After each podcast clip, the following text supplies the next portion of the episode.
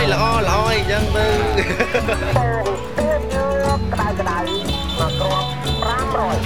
Het is Ochtend in het Avondland.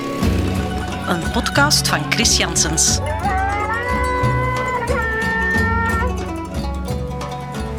Aflevering 7. Uit de biecht. Ik denk dat ik mij in onze lieve Heer vergist heb. En zo net voor Pasen wil ik dat graag opbiechten. In de eerste reeks Ochtend in het Avondland heb ik Cambodja omschreven als een godvergeten land. Alsof God zelf vergeten zou zijn dat hij het ooit gemaakt heeft. Misschien was hij het niet vergeten. Misschien wilde hij deze kostbare parel gewoon verborgen houden. Net als in het liedje van Annie M.G. Schmidt. Ik zou je het allerliefste in een doosje willen doen. En dan telkens even kijken. Heel voorzichtig even kijken. Het zijn die kleine tableautjes en toevallige ontmoetingen die ik in dit land zo koester. En inderdaad zou willen bewaren voor ze verdwenen zijn. Tijdens een van mijn fietstochten door Siem Reap ben ik gestopt bij een bijzonder ontbijtplekje met een uitbaatster van in de 50. Dat weet ik omdat ze het mezelf heeft gezegd nadat ik eerst haar leeftijd moest raden en zij de mijne wilde weten. Ze spreekt me consequent aan met meester. Het is wellicht het enige Engelse woord dat ze kent. Sinds de oorlog in Oekraïne begon, volgt ze het tv-nieuws op de voet via haar smartphone. Zelfs als de verkoper van ijsblokken haar dagelijkse bestelling in een druipende zak naar binnen brengt, laat haar blik telefoonscherm niet los. Elke morgen volgt ze aandachtig de beschietingen en de raketinslagen met commentaar van een Cambodjaanse reporter die klinkt alsof hij midden op het slagveld staat.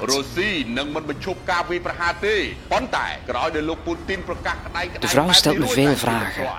Bijvoorbeeld of dit geweld zich ver van mijn geboorteland afspeelt, want zij heeft de kaart van Europa niet heel duidelijk voor ogen.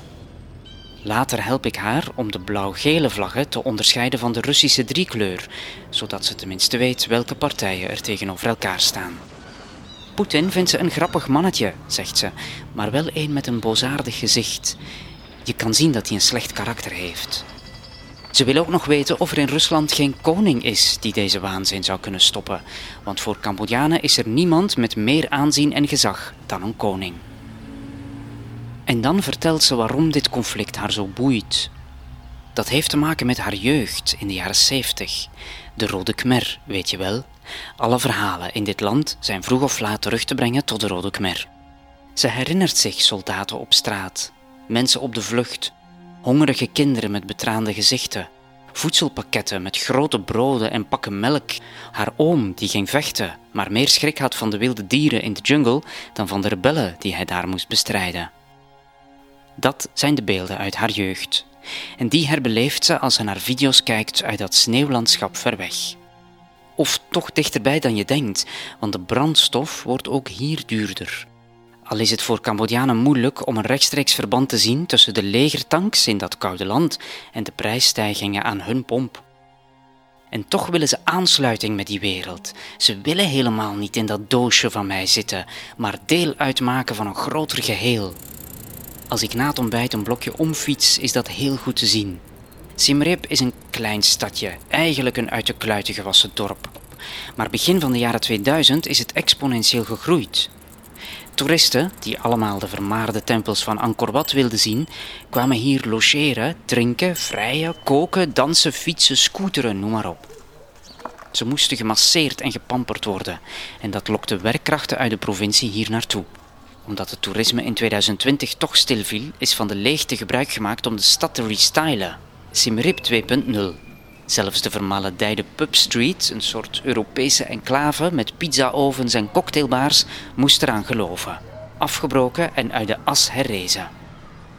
Mijn favoriete uitgaansplek lag daar vlakbij, in een smalle straat die mijn aandacht had getrokken omdat ze net wegliep van die toeristische malle molen als een klein theatertje off-Broadway dat een alternatief spektakel kon bieden voor de extravagante lichtshow aan de overkant. Het is een steeg die naar de rivier loopt langs de muur van een tempel. Tot voor kort had je hier putten en oneffenheden op het laagste punt, zodat je je in het regenseizoen een weg door de waterplassen moest banen om bij een van de smalle cafeetjes terecht te komen. Kleine smoezelige barretjes waren het, met de weeige geur van vochtige muren.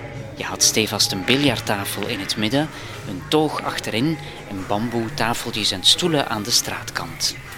Pas na een tijdje zag ik het oude vrouwtje dat dubbel geplooid in een hoekje zat te strijken. Ze was verstopt achter een stapel wasgoed, daarom had ik haar eerst niet gezien. Dit was zo'n typische familiezaak. De kleinkinderen lokten de toeristen met goedkope drankjes naar hun tent.